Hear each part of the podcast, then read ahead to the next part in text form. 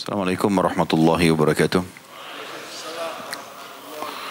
Alhamdulillah tidak pernah berhenti lisan kita memuji sang pencipta atas segala nikmat yang dilimpahkan kepada kita terutama nikmat Islam dan iman yang tentu keduanya akan menjadi tiket utama kita menuju ke surga insyaallah Allah dengan kemahamurahannya memudahkan kita untuk memenuhi segala kebutuhan kita untuk roda kehidupan di muka bumi ini dengan kalimat yang sangat mudah untuk diucapkan. Penuh dengan berkah yaitu Alhamdulillah. Maka jadilah orang yang selalu mengucapkan kalimat ini. Jadi kita panjatkan salam hormat kita, salawat dan taslim kepada Nabi besar Muhammad sallallahu alaihi wasallam yang telah mengemban amanah wahyu dari Allah dan telah menyampaikan semua amanah itu tidak ada sesuatu yang dibutuhkan oleh umat ini atau umat manusia secara umum kecuali sudah disampaikan oleh beliau.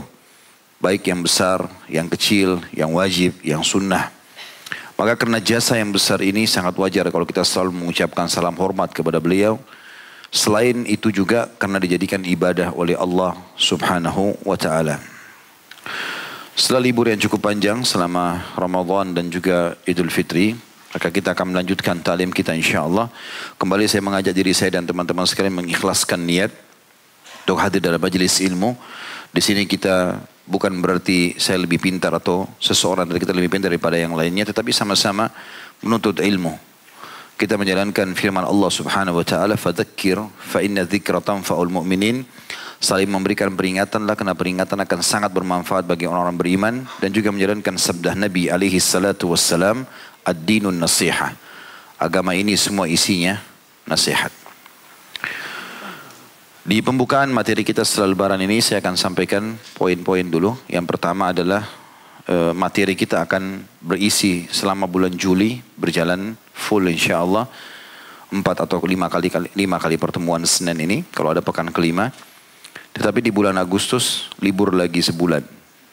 Karena saya harus bimbing haji Eh, dan haji minimal perjalanannya biasa 23 sampai 25 hari. Maka kemungkinan satu bulan. Dan insya Allah September kita akan kembali lagi biidnillahi ta'ala. Maka insya Allah kita padatkan jadwal kita dalam ta'lim-ta'lim ini.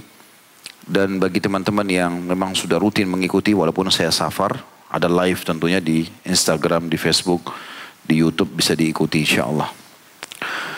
Baik Alhamdulillah dengan hikmah Allah subhanahu wa ta'ala kemarin menjelang libur Ramadan bahasan kita pas rukun Islam yang keempat masalah Ramadan.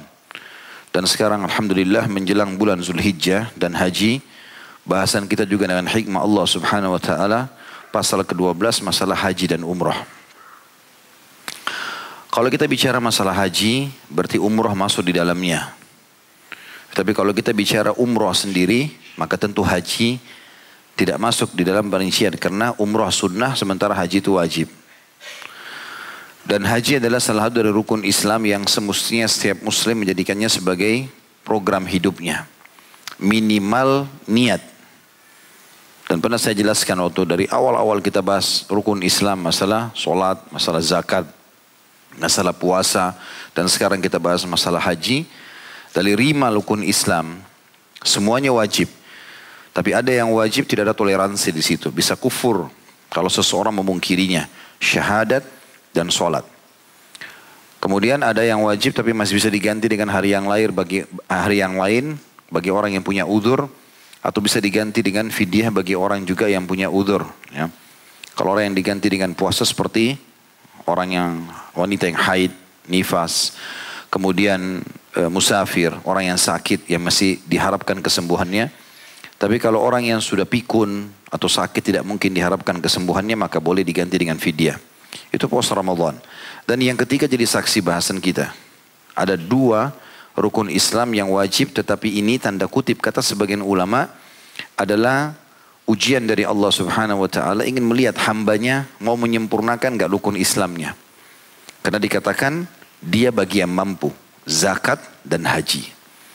Di sini teman-teman saya sudah pernah ingatkan dan saya ingatkan kembali, kita tidak boleh sama sekali terkurung di kalimat bagi yang mampu. Dan kita mengambil sisi negatif. Misalnya kita mengatakan saya tidak mampu ya sudahlah, saya nggak usah pikirin zakat, nggak usah pikirin haji. Orang yang seperti ini pada saat meninggal Dia tidak berdosa karena memang tidak mampu. Tetapi dia kehilangan peluang mendapatkan pahala. Karena semestinya dia bisa meraih pahalanya walaupun hanya dengan niatnya. Saya pernah membahas sebuah tema tapi berbeda dengan tema ini tentunya. Biasanya kalau saya sebut kalimat ini laki-laki pada semangat semua. Nah, saya pernah bahas masalah poligami pada saat itu. Kemudian seorang ustadz sempat mendengarkan ceramah saya itu pada saat dia diundang di salah satu kota. Terus tiba-tiba dia telepon saya lalu dia mengatakan, Anak pertama kali mendengarkan ada bahasan yang bisa kita raih pahala dengan niat. Walaupun anak tahu bahasan itu. Karena anda dengar ceramah antum mengatakan minimal orang yang tidak bisa poligami dia niat supaya dapat pahalanya. Atau yang jomblo-jomblo terus khawatir dengan waswas syaitan tidak mau menikah, niat menikah minimal. Kalau niat kan tidak perlu melamar. Tidak butuh mahar. Tidak butuh kesiapan apa-apa, cuma niat. Maka kalau meninggal dapat pahalanya. Ini kita bahas dalam masalah haji dan zakat. Ya, kita bahas masalah haji malam ini. Maka minimal diniatkan. Bukankah setiap tahun seperti beberapa hari akan datang ini kita akan lihat banyak bus-bus jemaah haji sering lewat. Banyak orang cuma mengatakan, oh itu jemaah haji. Kalau terberapa ya? Dari kota mana ya? Sebatas itu. Itu nggak ada gunanya buat antum. Apa manfaatnya buat kita? Dia akan bermanfaat kalau kita dengan tulus dari hati mengatakan ya Allah andai saja engkau berikan aku peluang seperti mereka, aku akan lakukan yang sama. Maka bisa sama pahalanya mereka. Kan begitu hadis Bukhari. Yang kata Nabi SAW, manusia empat golongan. Sudah pernah saya jelaskan itu. Yang paling pertama adalah yang Allah karunia ilmu dan harta lalu dihabiskan di jalan Allah. Ini orang yang paling mulia. Semoga kita termasuk insya Allah ini. Yang kedua orang yang punya ilmu tapi nggak punya harta. Lalu kemudian dia berkata, Ya Allah, andai saja engkau mengaruniakan aku harta sama dengan fulan, tadi orang yang sibuk menunfakkan hartanya, maka aku akan mengerjakan seperti apa yang dikerjakan. Kata Nabi SAW, Fahuma fi ajri sawa. Kedua orang ini pahalanya sama. Maka jangan sia-siakan itu. Setiap kali kita melihat peluang atau kesempatan, ataupun ada orang yang memang sudah melakukan perbuatan kebaikan dan kita belum bisa, maka minimal diniatkan dan minta kepada Allah Subhanahu wa taala agar dimudahkan untuk bisa mengerjakannya. Ini dalam pembukaan bahasan kita tentunya. Karena haji ini akan terulang setiap tahunnya. Ya. Dan bagi anda yang Allah mudahkan untuk mengerjakan haji dan umrah, kerjakanlah apa yang sering dikerjakan oleh para salafus soleh. Mereka kalau suruh menginjakkan kaki di Mina, di Arafah, di Muzdalifah, di musim haji atau mereka mengerjakan ibadah umroh pun yang sunnah maka selalu kalimat yang mereka ucapkan dalam doa mereka ya Allah jangan engkau jadikan ini waktu terakhirku di kota suci Mekah. Pada saat mereka mengamalkan ini sebagian salaf mengatakan aku terus mengerjakan ibadah haji sampai 70 kali 70 tahun. Sampai aku malu dengan Allah. Dan pada tahun beliau tidak mengucapkan lagi kalimat doa itu meninggal dunia maka ini contoh saja. Artinya raih pahala itu. Dan kita bisa dapatkan, bukan tidak bisa. Asal memang mau meniatkannya. Tetapi ulama membatasi juga niat ini akan bisa mendatangkan pahala pada saat orang betul-betul dalam kondisi ikhlas meniatkannya dan memang dalam kondisi tidak mampu. Misal dia tidak ada duit memang, tidak ada kesempatan, tidak dapat visa untuk haji. Kemudian dia bertekad dalam hatinya ingin sekali mengerjakan kalau dia dikasih kesempatan. Maka itu dapat pahala yang sama dengan orang yang haji. Tapi kalau dia punya kemampuan, dia bisa bayar travel. Dia bisa haji tapi dia nggak mau. Cukuplah saya niat saja. Maka ini tidak dapat tentunya. Ya. Jadi ini perlu difahami supaya jangan terluputkan peluang-peluang pahala yang sangat banyak. Berapa banyak orang yang umroh akhi dan ukhti setiap, tiap hari travel-travel bersaing untuk memberangkatkan jemaah umroh mereka. Berapa banyak pahala yang kita bisa dapatkan hanya dengan niat.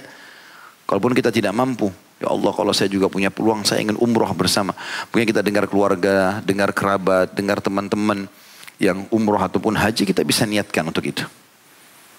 Paham gak ini? Alhamdulillah. Allah jadi saksi kalau saya sudah sampaikan.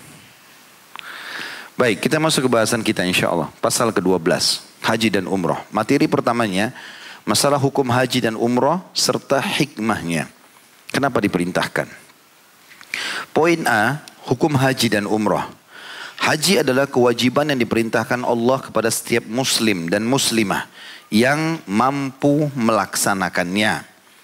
Jadi mampu di sini masuk dalam tiga hal sebagian ulama mengatakan kemampuan materi, kemampuan zat atau bekal.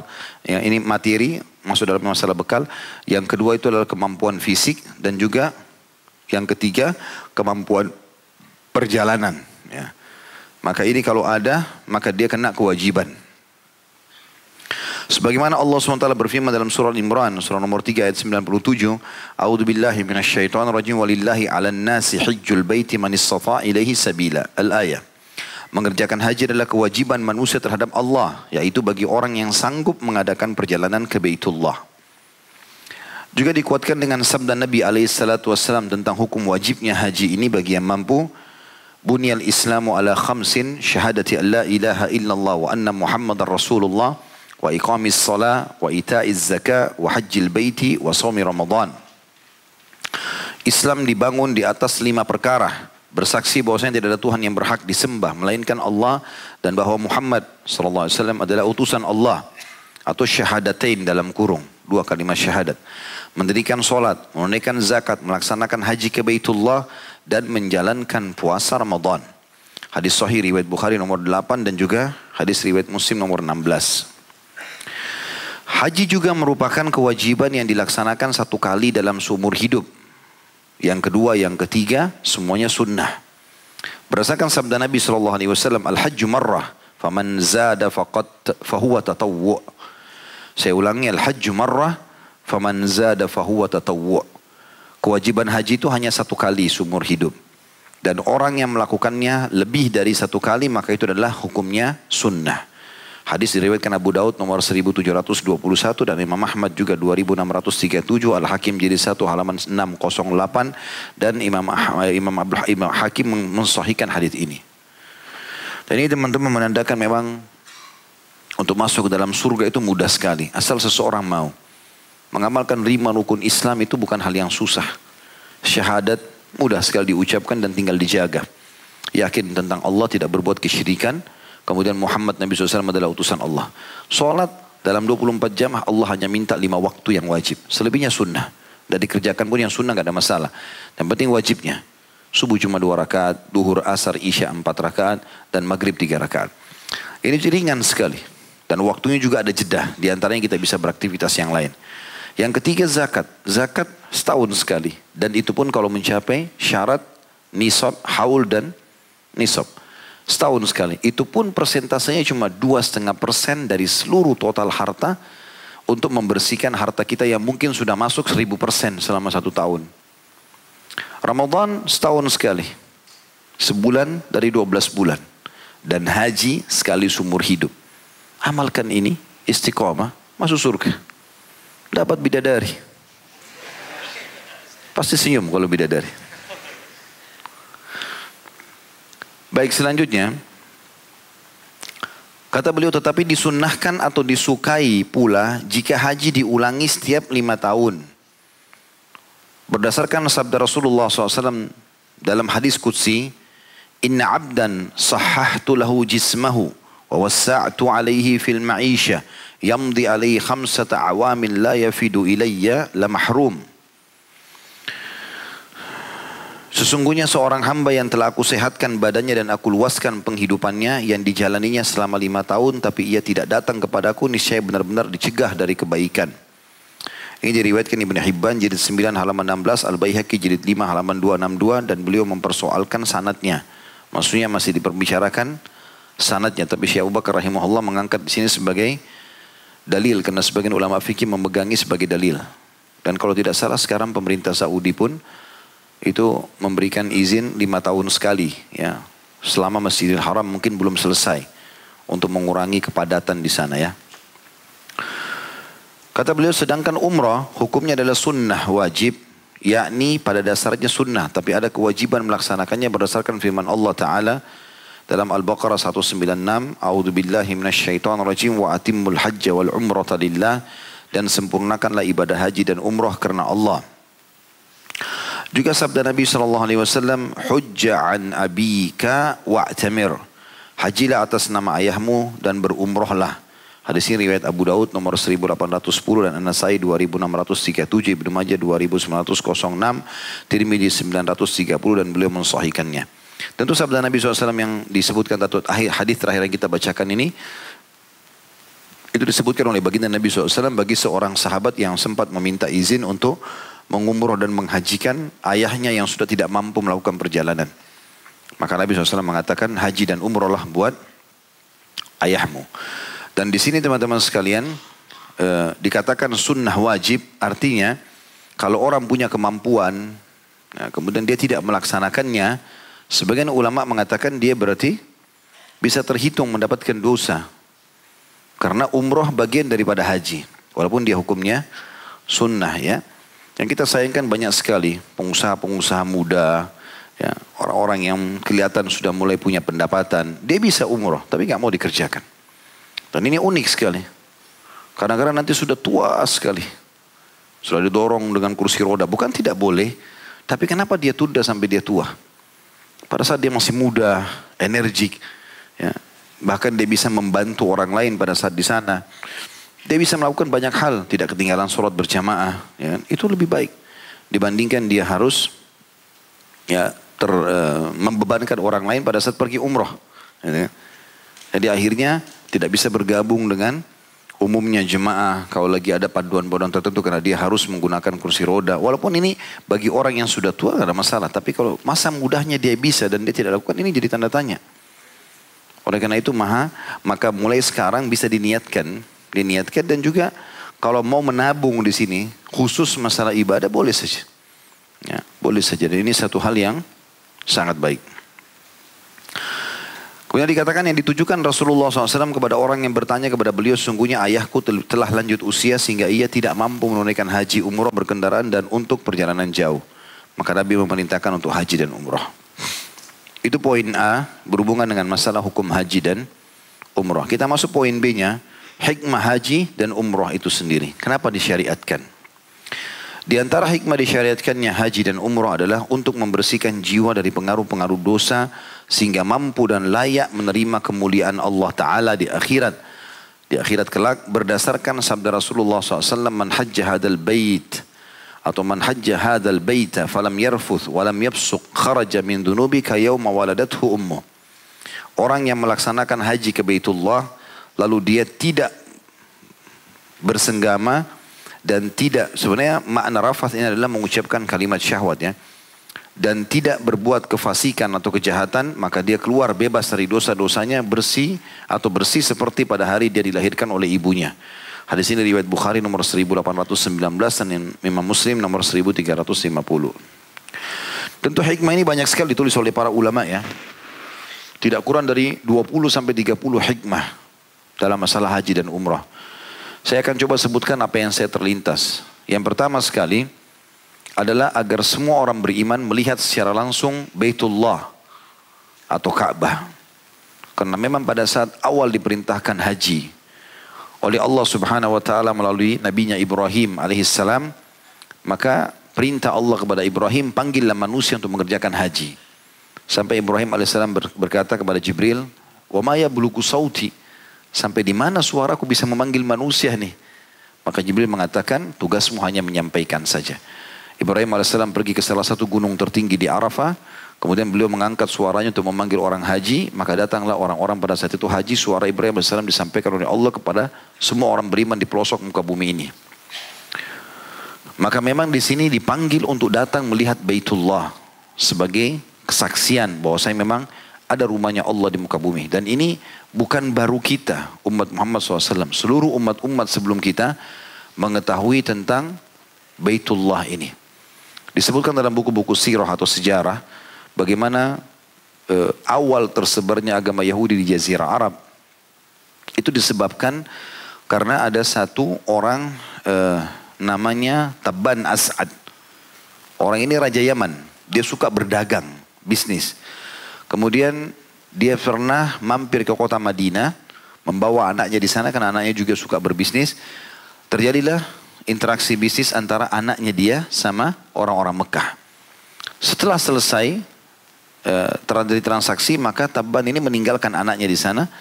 Dan anaknya ternyata cekcok dengan masyarakat Madinah, dibunuhlah. Terbunuhlah dia. Ribut dengan masyarakat, terbunuh. Tabban marah, dibentuk pasukan besar dari Yaman menuju ke Madinah.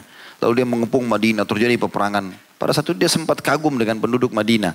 Karena dia belum pernah menghadapi peperangan seperti peperangan menghadapi masyarakat Madinah yang nanti setelah Nabi SAW lahir menjadi kaum Ansar. Gitu kan? Orang-orang yang mulia.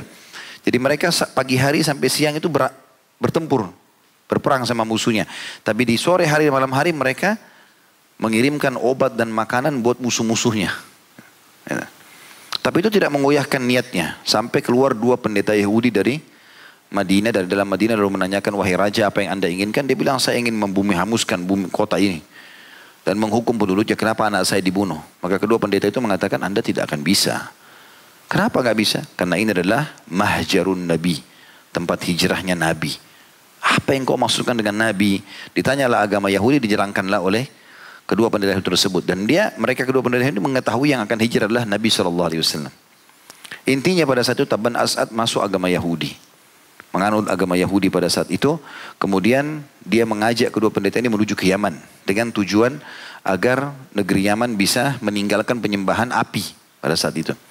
Menuju ke Yaman, rupanya mereka melewati Mekah. Mereka melewati Mekah karena kalau kita petahkan Jazirah Arab, Madinah itu ada di utara Jazirah Arab, di bawahnya ada Mekah, di bawah sekali di selatan ada Yaman. Berarti orang kalau dari Madinah mau ke Yaman melewati Mekah.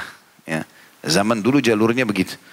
Walaupun sekarang juga tetap seperti itu, cuma mungkin jalur pesawat cukup banyak sekarang ya. Atau jalur darat, tapi zaman dulu jalur setapak, itu padang pasir. Memang cuma dari jalur Madinah ke Mekah. Makanya dulu orang-orang Mekah pun kalau berdagang ke negeri Syam pasti melewati Madinah. Kafilah-kafilahnya ditahan oleh kaum muslimin. Gitu kan. Rika cerita teman-teman sekalian, sampailah di Mekah, kemudian ada suku namanya Huzail. Suku ini tidak menyukai penduduk Yaman, tidak suka juga Berarti penduduk Yaman Taban As'ad. Tidak menyukai juga penduduk Mekah. Selalu ribut. Maka mereka datang kepada Taban sambil mengatakan, Wahai Raja, maukah anda uh, harta yang banyak dan tidak ada yang tidak ada yang tidak ada kekuatan yang bisa melawan anda. Ah, kata Taban tentu saja. Lalu mereka mengatakan di dalam kota ini di Mekah ada satu rumah, maksudnya Ka'bah. Di bawahnya banyak tertimbun harta.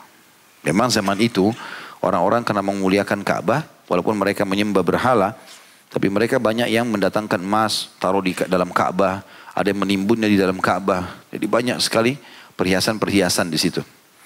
Maka Taban Asad mengatakan tentu saya mau disiapkanlah pasukan. Waktu lagi gemuruh pasukan disiapkan. Kedua pendeta Yahudi ini lalu mengatakan, Anda mau ke mana?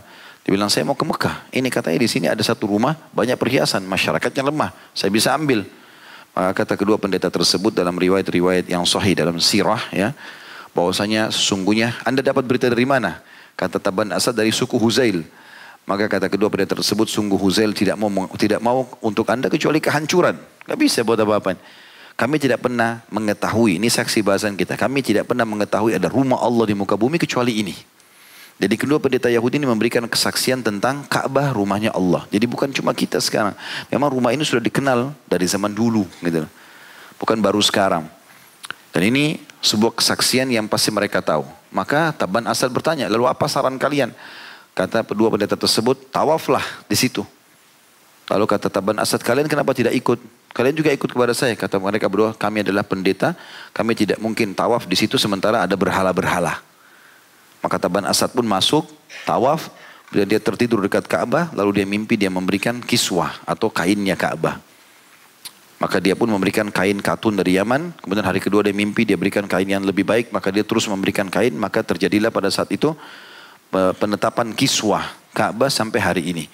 Karena di zaman Nabi SAW, Nabi tidak mengubah sistem itu. ya. Tapi saksi bahasan kita, Ka'bah ini bukan cuma kita yang tahu. Orang Yahudi tahu, orang Nasrani tahu. Tahu kalau itu Baitullah. Jadi hikmah yang sangat luar biasa adalah datang melihat Baitullah itu sebuah ibadah tersendiri. Sampai Ibnu Hazm rahimahullah salah satu ulama dari Spanyol itu beliau berkata ini fatwa beliau dalam masalah fikihnya ya. Beliau mengatakan kalau orang berada depan Ka'bah ya, maka yang dianjurkan adalah pada saat dia sholat dia lihat ke Ka'bah bukan lihat ke tempat sujudnya. Ini pendapat beliau Ibnu Hazm. Walaupun umumnya jumhur ulama mengatakan tidak. Tetap saja kita jalankan sunnah Nabi untuk melihat ke tempat sujud. Tapi karena ingin memuliakan Ka'bah dan melihatnya sampai beliau mengatakan kalau depan Ka'bah itu dalam fikihnya dan itu diamalkan pada saat itu oleh banyak orang. Ya, sampai sekarang pun masih ada yang menerapkan fikih Ibnu Hazm. Maka mengatakan melihat Ka'bah. Dan kita disunnahkan oleh Nabi SAW kalau lihat Ka'bah membaca Allahumma antas salam wa minkas salam tabarak ta'ala ya adal jalali wal ikram. Berarti melihatnya saja sebuah ibadah, membaca sesuatu ya. Jadi ini hikmah yang luar biasa. Kemudian hikmah yang lain, yang kedua adalah bergabungnya kita atau mengamalkannya kita uh, atau membuktikan dulu. Yang kedua itu membuktikan dulu bahwasanya memang Ka'bah ini dibangun oleh Nabi Ibrahim alaihissalam. Terbukti ada makam Ibrahim dan Allah mengatakan dalam Al-Quran itu. Fihi ayatum bayinatum maqamu Ibrahim. Di dekat Ka'bah itu ada tanda-tanda kebesaran yang nyata bekas pijakan kaki Ibrahim. Kalau Ka'bah betul yang dibangun ini adalah di Baitullah yang dibangun oleh Ibrahim. Makanya sampai semua orang yang tawaf, ya, umroh ataupun haji, disunahkan setelah tawaf sholat dua rakaat di belakang makam Ibrahim. Untuk mengenang itu memang khusus. Nabi Ibrahim AS pada saat bangun Ka'bah, beliau setiap kali habis bangun mundur ke belakang untuk memastikan bangunannya sudah rata atau belum. Kemudian juga terbuktinya adanya air yang sangat mulia zam-zam yang sudah masyhur. Di antara hikmah adalah meminum langsung zam-zam dari sumbernya ya. Bahkan sebagian ulama orang mengatakan sebagian ulama mengatakan siapa yang minum zam-zam langsung dari Masjidil Haram maka zam-zam itu mengandung dua manfaat besar. Manfaat yang pertama adalah manfaatnya sebagai air zam-zam yang memang Allah berikan di situ kalau minum mustajab doa dan bisa mengenyangkan ya bisa menggantikan fungsi makanan. Juga zam-zam ini setiap saat mendengarkan atau dibacakan ayat-ayat Al-Quran pada saat sholat lima waktu. Jadi seperti air yang dirukyah. Maka mengkonsumsi langsung dari dari Masjidil Haram itu berbeda. Punya hikmah-hikmah yang luar biasa. Gitu. Kan. Dan kita jadi tahu juga ternyata memang zam-zam ini sebuah keajaiban. Karena sampai sekarang saya pernah baca sendiri penelitiannya itu. Dan sampai sekarang pemerintah Saudi juga menyebarluaskan. Sumur zam-zam itu punya keunikan. Setiap hari dikuras banyak sekali. Berapa miliar orang yang minum. Penduduk Mekah saja kalau minum dari satu sumur secara rasional habis sumur itu. Kalau satu kota minum dari satu sumur, jumlahnya jutaan orang, habis. Bagaimana dengan seluruh dunia? Tidak berhenti-berhenti orang datang dari seluruh dunia. Jutaan orang. Masjidil Haram sekarang makin diluaskan, makin banyak orang. Uniknya air zam-zam itu kalau lagi dikuras diambil, dia hanya turun sampai titik tertentu saja. Saya pernah lihat sendiri itu. Dipasang di museum di Mekah. Jadi eh, sumur zam-zam diibaratkan tingginya sekian meter, saya tidak ingat sekarang. Air zam-zam itu selalu kalau dikuras hanya turun sampai titik tertentu. Sampai dikasih warna di sumur itu. Ada foto-fotonya juga dikasih warna. Yang uniknya sebanyak apa pun air zam-zam dikuras tidak pernah turun dari garis itu. Tidak pernah sampai ke mata airnya langsung. Dan dalam hitungan menit saja, kalau sudah berhenti dikuras, dia akan naik dan sampai garis tertentu saja. Tidak pernah meluap, tumpah. Selalu naik, jadi selalu ada di antara dua ini saja. Itu nggak mungkin terjadi. Sebuah ya, kejadian yang memang di luar akal manusia yang membuktikan itu adalah ada campur tangan ilahi Allah Subhanahu wa taala.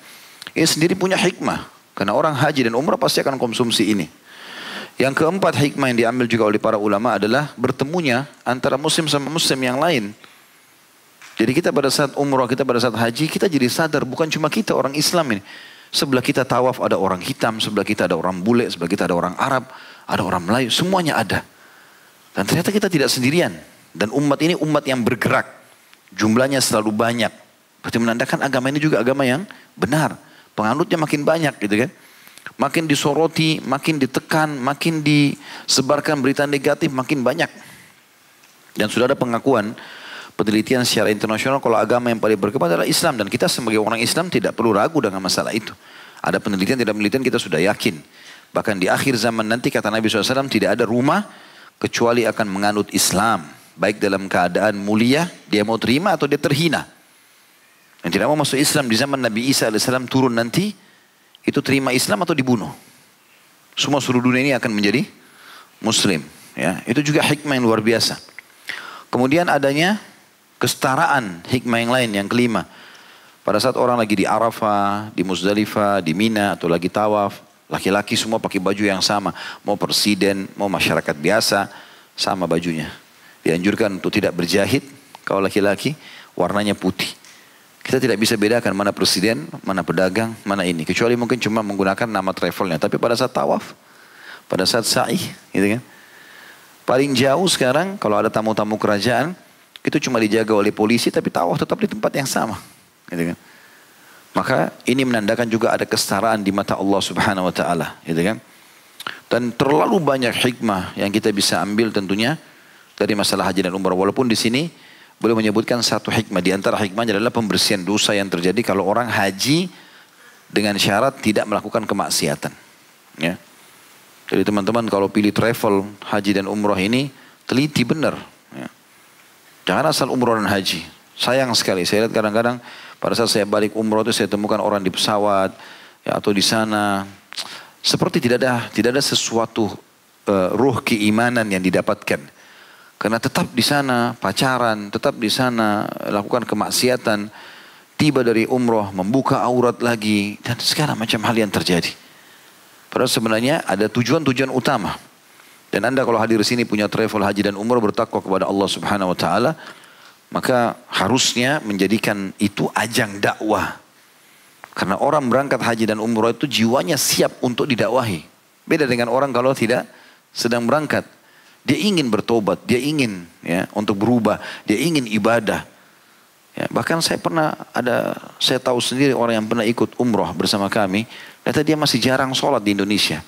Alhamdulillah selama umroh dia sholat dan Alhamdulillah insya Allah saya berharap setelah dia pulang pun komitmen dia akan menjaga sholat itu. Jadi pada saat itu jiwa sangat siap untuk didakwahi. Harusnya ini ditunggangi dengan baik. Itu semua berhubungan dengan masalah poin B, hikmah haji dan umroh. Kemudian materi kedua, syarat-syarat wajib haji dan umroh. Kewajiban haji dan umroh atas seorang muslim diharuskan memenuhi syarat-syarat berikut ini. Yang pertama Islam. Sehingga selain orang Islam tidak dituntut menunaikan haji dan umroh.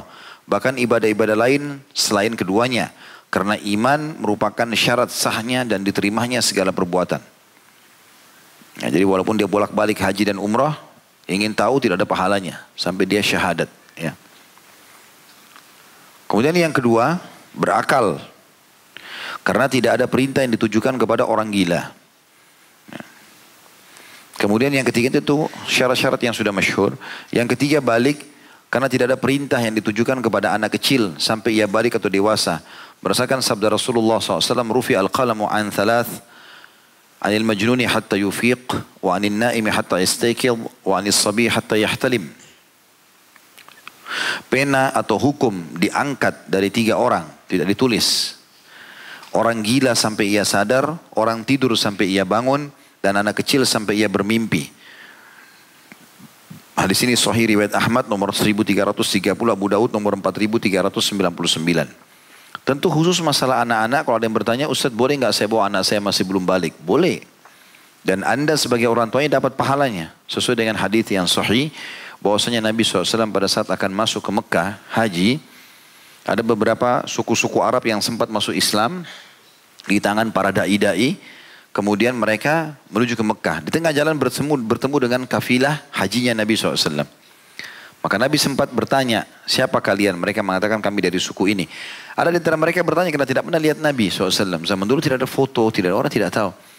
Lalu mereka bertanya siapa anda ini? Kata Nabi SAW, aku adalah Rasulullah. Maka seorang ibu tiba-tiba menggendong anaknya mengatakan ya Rasulullah apakah untuk anak kecilku ini ada haji? Kata Nabi SAW iya dan kau akan dapat pahalanya. Maksudnya dia boleh diajak haji. Tapi belum mendapatkan apa-apa di situ. Ada sebagian ulama yang bersyihat mengatakan kalau anak kecil dibawa haji ataupun umroh dan dia waktu itu belum balik, kapan dia balik Allah akan berikan pahalanya.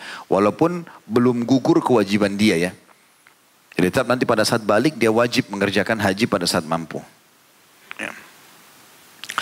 Kemudian yang keempat mampu yaitu mempunyai bekal dan biaya perjalanan.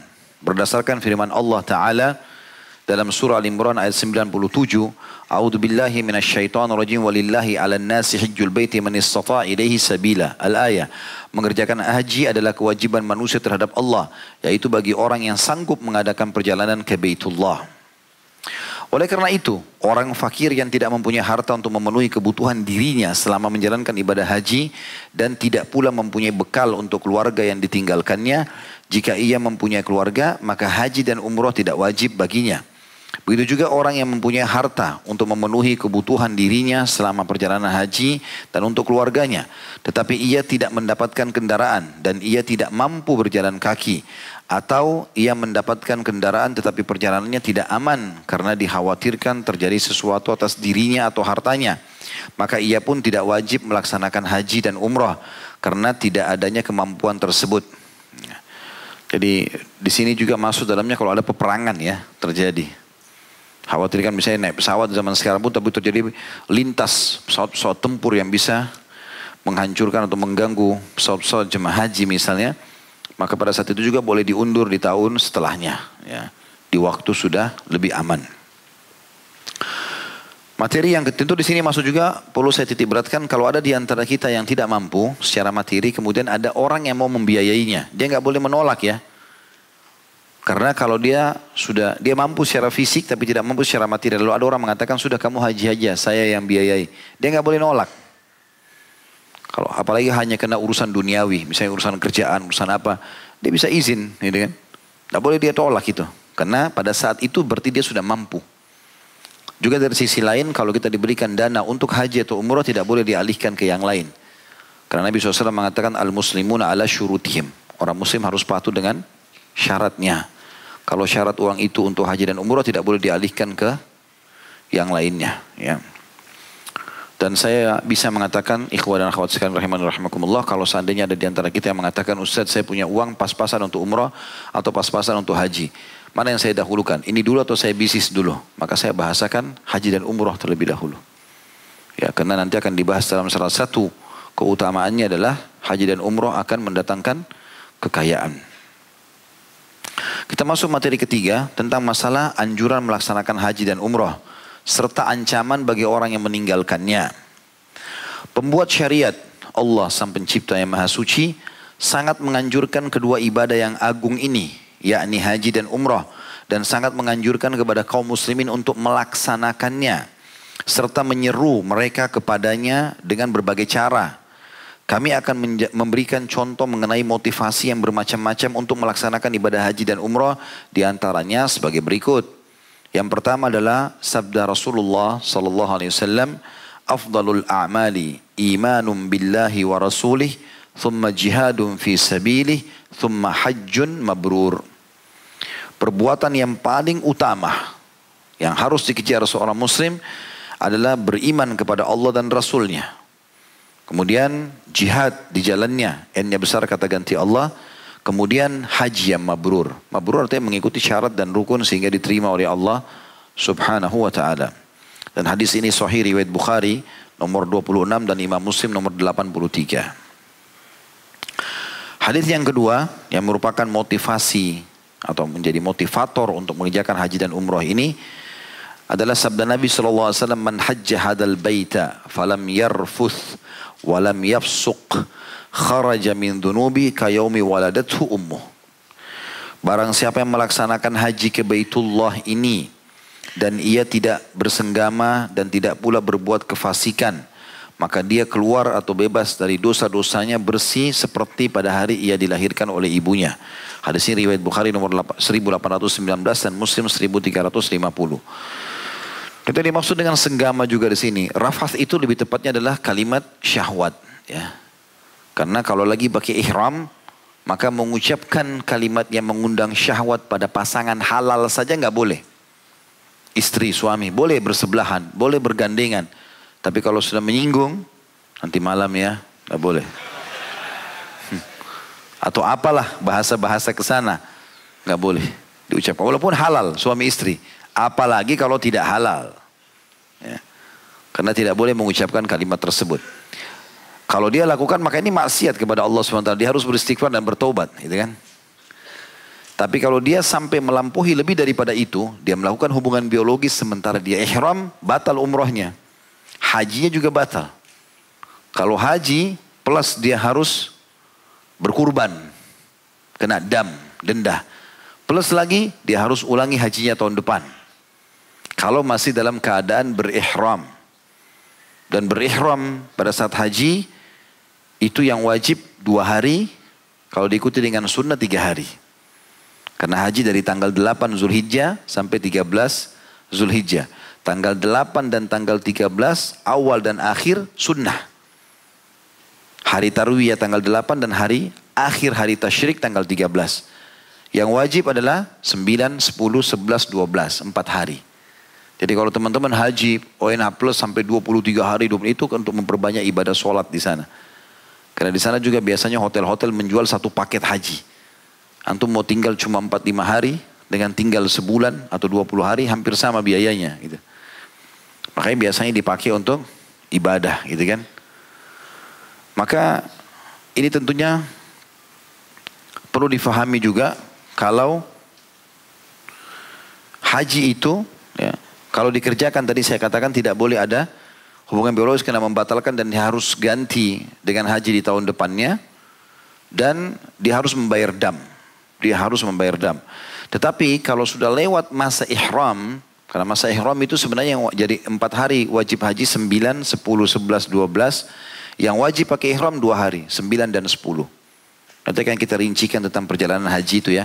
Tepatnya hari Arafah, pagi hari tanggal sembilan, kemudian malamnya tanggal sembilan adalah hari hari Musdalifah, besoknya hari Nahar, hari Idul Adha, ini sudah hari kedua, boleh buka ihram kalau sudah melakukan satu dari tiga kegiatan. Yaitu jumrah, melontar, atau berkurban, atau tawaf ifadah. Nanti kita jelaskan di rincian haji. Belum kita masuk ke sana. Kita masih membahas tentang keutamaannya. Tetapi kalau seseorang masih dalam keadaan ihram, kemudian dia berhubungan biologis, belum sempat tahallul di dua hari tadi itu ya, yang wajib di sini, maka berarti batal hajinya dan dia harus membayar dam atau nyembeli hewan plus lagi dia mengulangi hajinya di tahun depan. Ya, itu dengan pasangan halal. Bagaimana dengan orang yang melakukan pada yang haram, gitu kan?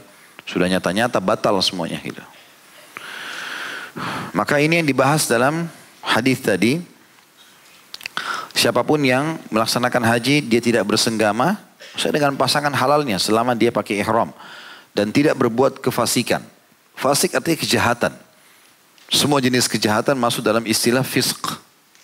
Ya, apa pun sifatnya, berkelahi, apalah, menguturkan kata-kata, apa ya. Ini pokoknya semua tidak boleh. Harus dihindari. Kalau itu dia bisa jaga, maka dia akan keluar bebas dari dosa-dosa seperti baru dilahirkan oleh ibunya. Ini keutamaan yang kedua. Motivator yang kedua. Yang ketiga adalah hadis Nabi sallallahu alaihi wasallam, "Al-hajjul mabrur laisa lahu jazaa'un illa al-jannah." Tidak ada balasan untuk haji mabrur kecuali surga. Hadis ini hadis sahih riwayat Bukhari nomor 1773 dan Imam Muslim 1349. Tentu hadis ini ada potongan awalnya ya. Al umratu ilal umrati mukaffaratun lima bainahuma wal hajjum mabrur laisa lahu jaza illa al jannah. Antara umrah ke umrah yang lain adalah pembersihan dosa di antara keduanya. Misalnya untuk umrah tahun lalu, sekarang umrah lagi, maka pembersihan dosa-dosa kecil di antaranya. Dan haji yang mabrur mengikuti syarat dan rukunnya ya, maka tidak ada balasan kecuali surga. Artinya selain dibersihkan dosanya juga akan dijamin masuk ke dalam surga. Walaupun sebagian ulama eh, menarik sebuah relevansi dari dua hadis ini karena hadis tadi yang pertama, hadis Bukhari Muslim menjelaskan dia seperti baru dilahirkan oleh ibunya, ini tentu akan memberikan ya konsekuensi hadis yang kedua. Artinya dengan dosa bersih masuk surga. Otomatis ya. Ada juga yang mengatakan terpisah pembersihan dosa sendiri masuk ke dalam surga pun itu adalah keutamaan tersendiri. Yang keempat adalah sabda Nabi alaihi salatu wassalam jihadul kabir wal dhaif wal mar'atil hajjul mabrur. Jihadnya orang yang lanjut usia, orang lemah dan wanita adalah haji yang mabrur. Hadis riwayat An-Nasa'i nomor 2626 dengan lafaz tanda kutip haji dan umrah. Ya, berarti ada tambahannya maksudnya. Di sini dikatakan jihad besar. Ya, jihad yang sangat besar nilai eh, jihad itu yang dianjurkan bagi orang yang tua, orang lemah dan perempuan adalah haji yang mabrur, riwayat Abu Daud, riwayat An-Nasai ditambah dan umroh. Menjadi pahala jihad buat mereka. Di situ ada juga putnot nomor 1165 di bawah. Haji mabrur adalah haji yang bersih dari semua jenis dosa. Dan penuh dengan perbuatan-perbuatan baik dan berbagai kebajikan. Atau kebaikan. Ini juga ada riwayat Bukhari. Pernah Aisyah Radhiallahu bertanya tentang masalah jihad bagi wanita. Maka Nabi SAW mengatakan jihad kalian adalah haji. Adalah haji. Dan ini berarti ada motivasi yang sangat besar. Walaupun orang itu sudah tua, Walaupun dia lemah, perempuan pun dianjurkan untuk mengerjakan ibadah haji. Kemudian hadis yang lain adalah hadis riwayat Bukhari nomor 1773. Sebenarnya hadis ini sudah disebutkan sebelumnya ya. Makanya di footnote-nya sama. Hadis Bukhari nomor 1773. Footnote nomor 1166 dengan footnote nomor 1163 sama. Tapi potongan awal tidak ditulis di awal. Yang saya sudah bacakan hadisnya. Kata Nabi SAW, Al umratu ilal umrati kafaratun lima bainahuma. Wal hajjul mabrur laisa lahu illal jannah. Pelaksanaan umrah yang satu dengan umrah berikutnya adalah pemberhapus dosa-dosa kecil di antara keduanya. Dan haji mabrur itu tidak ada balasannya atau tidak ada balasan untuknya kecuali surga. Sebagaimana anjuran di atas kata Syekh Abu Bakar rahimahullah, Allah yang maha tinggi juga mengancam orang yang meninggalkan haji dan umrah dan memperingatkan agar tidak menyepelekan pelaksanaan kedua ibadah ini dengan menghambur-hamburkan hartanya untuk sesuatu yang tidak bermanfaat. Bolak-balik pergi ke negara orang kafir tidak jelas hanya dengan alasan rekreasi dan liburan lah, tapi tidak pernah menginjakkan kaki umrah ataupun haji. Ini malah bisa kena ancaman. Ini disabdakan oleh Nabi alaihissalatu wassalam, "Man lam tahbishu hajatun zahiratun aw maradun habisun aw man'un min sultanin jair wa lam yahuj falyamut insya yahudiyan aw nasraniyan." Orang yang tidak tertahan oleh kebutuhan yang mendesak bukan karena sakit, bukan karena memang terlilit utang, harus yang mendesak dan dia mampu. Orang yang tidak tertahan oleh kebutuhan yang mendesak atau sakit yang menghalanginya atau larangan dari penguasa yang zalim. Tiba-tiba naudzubillah dijajah dan tidak boleh keluar penduduk negara tersebut misalnya. Tetapi ia tidak melaksanakan haji. Tidak ada udur itu semua. Tidak ada ditahan oleh pemerintahnya. Tidak sakit yang menghalanginya. Tidak ada kebutuhan yang mendesak. Utang yang terlilit misalnya. Atau ketidakmampuan. Hendaklah ia mati jika ia mau dalam keadaan Yahudi atau Nasrani. Hadis riwayat Imam Ahmad, Abu Ya'la dan Al-Baihaqi, Al-Baihaqi sebutkan di jilid 3 halaman 334. Kata ulama ini hadis yang paling tegas. Ancaman bagi orang yang mampu lalu tidak mau haji dan umrah. Dianggap pada saat dia mati, Yahudi atau Nasrani. Seperti kadang-kadang kafir. Gitu kan? Jadi Nabi SAW cuma kasih pilihan. Suruh pilih. Mati seperti orang Yahudi atau orang Nasrani. Dua-duanya kafir. Dan kata Nabi SAW tidak ada seorang pun dari Yahudi, Nasrani, Majusi yang mendengarkan aku diutus menjadi rasul kemudian mereka tidak beriman kecuali mereka dan meninggal dalam keyakinan tersebut kecuali mereka masuk neraka. Nah, berarti ancamannya sangat tegas di sini. Ya. Ali bin Abi Thalib radhiyallahu berkata, orang yang mempunyai bekal dan kendaraan yang bisa mengantarkannya ke Baitullah, tapi ia tidak melaksanakan haji, maka tidak apa-apa baginya untuk meninggal dunia dalam keadaan Yahudi atau Nasrani. Diriwayatkan Tirmidzi nomor 812. Hal ini juga berdasarkan firman Allah yang maha tinggi dan maha suci dalam surah Al-Imran ayat 97. A'udzu billahi minasyaitonir rajim walillahi 'alan nasi hijjul baiti man istata'a ilaihi sabila wa man kafara fa innallaha ghaniyun 'anil 'alamin. Mengerjakan haji adalah kewajiban manusia terhadap Allah, yaitu bagi orang yang sanggup mengadakan perjalanan ke Baitullah. Barang siapa yang mengingkari kewajiban haji, maka sungguhnya Allah Maha Kaya, tidak memerlukan sesuatu dari semesta alam. Kata sebagian ulama ini ancaman yang sangat tegas dari Allah bahwasanya Allah Subhanahu wa taala akan berlepas diri dari orang yang tidak melaksanakan haji sementara dia mampu ya. Umar bin Khattab radhiyallahu anhu berkata, "Aku sudah menguatkan tekadku untuk mengirim beberapa orang ke berbagai daerah untuk melihat setiap orang yang mempunyai kekayaan tapi tidak melaksanakan haji." Agar para utusan itu memungut jizyah atau pajak kepala dari mereka. Mereka bukan kaum muslimin, mereka bukan kaum muslimin. Ini disebutkan oleh Tirmidzi riwayat ini Maaf, disebutkan oleh Baihaqi di jilid 4 halaman 334 dari Said bin Mansur dalam sunannya. Ya. Ini berarti menandakan Umar bin Khattab melihat kalau orang yang memang punya kemampuan lalu memungkiri ya, nggak ada kewajiban haji itu.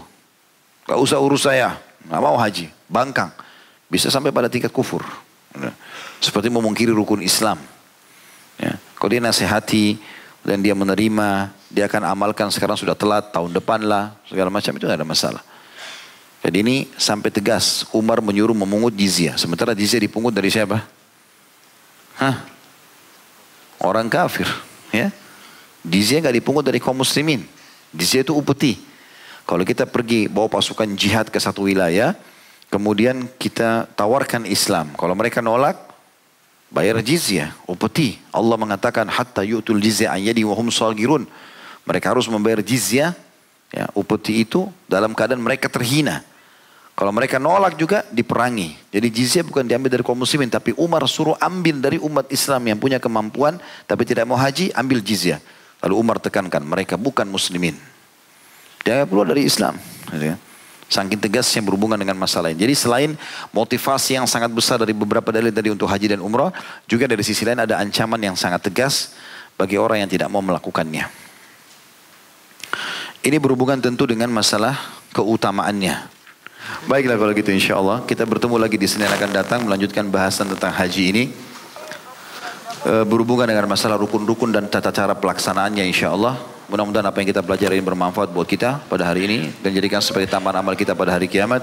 Subhanakallahumma bihamdika asyhadu an la ilaha illa anta astaghfiruka wa atubu ilaik. Wassalamualaikum warahmatullahi wabarakatuh.